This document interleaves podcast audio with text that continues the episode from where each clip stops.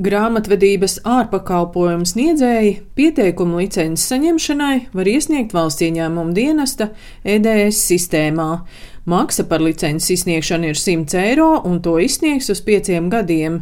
Kāpēc nepieciešama grāmatveža licencēšana, stāsta vidi nelegāli iegūtu līdzekļu legalizācijas novēršanas pārvaldes direktore Agnese Rudzīte. Galvenais licencēšanas mērķis ir pirmkārt uzlabot grāmatvežu pakalpojumu kvalitāti, bet otrs arī uzņēmējiem, kuri šo pakalpojumu saņem, nevienmēr ir skaidrs, kurš grāmatvedis ir godprātīgs, kurš ir zinošs Un šajā situācijā bieži vien šis uzņēmējs ir cietējis dēļ tā, ka šis pakalpojums ļoti nekvalitīvs un uh, saņem no vidas sodu, piemēram, par nepareizi aprēķinātiem nodokļiem. Jau šobrīd aicinu uzņēmējus pārliecināties, ka grāmatvedis ir jau bijis tik apzinīgs, ka šo licenci saņēmis. Mēs esam izsnieguši arī izņēmuma licences, tātad gan tiem, kas vēl joprojām mācās, gan arī pensionāri saņēmuši licenci. Tātad viņi arī grib parādīties šai publiskajā datu bāzē, ka viņi joprojām ir gana kvalificēti un valsts viņus atzītu par labiem grāmatvežiem. Latvijas grāmatvežu asociācijas valdes priekšsēdētāja vietniece Lilita Beķere uzsver,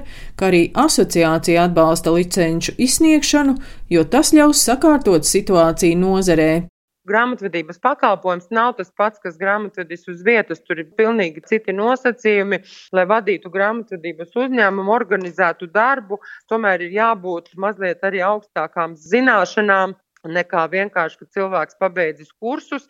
Trīs mēnešu grāmatvedībā pirmkārt klienti riskē zaudēt savu naudu, jo grāmatvedis var nodarīt būtisku kaitējumu arī uzņēmumu, ja viņš rīkojas eh, neatbilstoši likumam. Uzņēmums var dabūt gan lielus sodus, gan eh, arī citus eh, finansiālos zaudējumus ciest. Otrs moments ir tas, ka valsts arī tādējādi tomēr zaudē ienākumus, tāpēc ka grāmatveži ir tieši tie, kuri aprēķina nodokļus un arī deklarē šos nodokļus.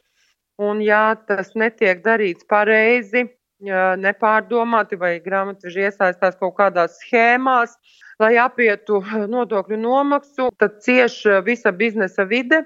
Gan Lilita Beķere, gan Latvijas Tirzniecības rūpniecības kameras viceprezidente Lienīte Skaraina ir vienisprātis, ka maksa par grāmatvežu pakalpojumiem nākotnē palielināsies, bet ne tikai licencēšanas dēļ.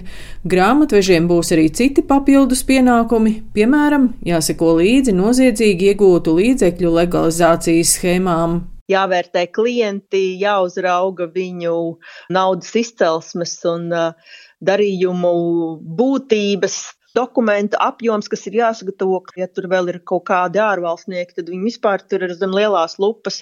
Tā kā tas viss prasa gan lielu šo birokrātisko darbu, gan arī patiesībā uzliek lielu atbildību. Atkarībā no ārpakalpojumu sniedzēja lieluma un klientu struktūras šie pasākumi vai nu puslodes vērti, vai pat uh, vesels slodzes vērti.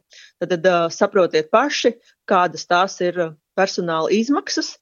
Un arī šobrīd, ņemot vērā inflāciju, nu, tad pakalpojumu cenas celsies diezgan būtiski.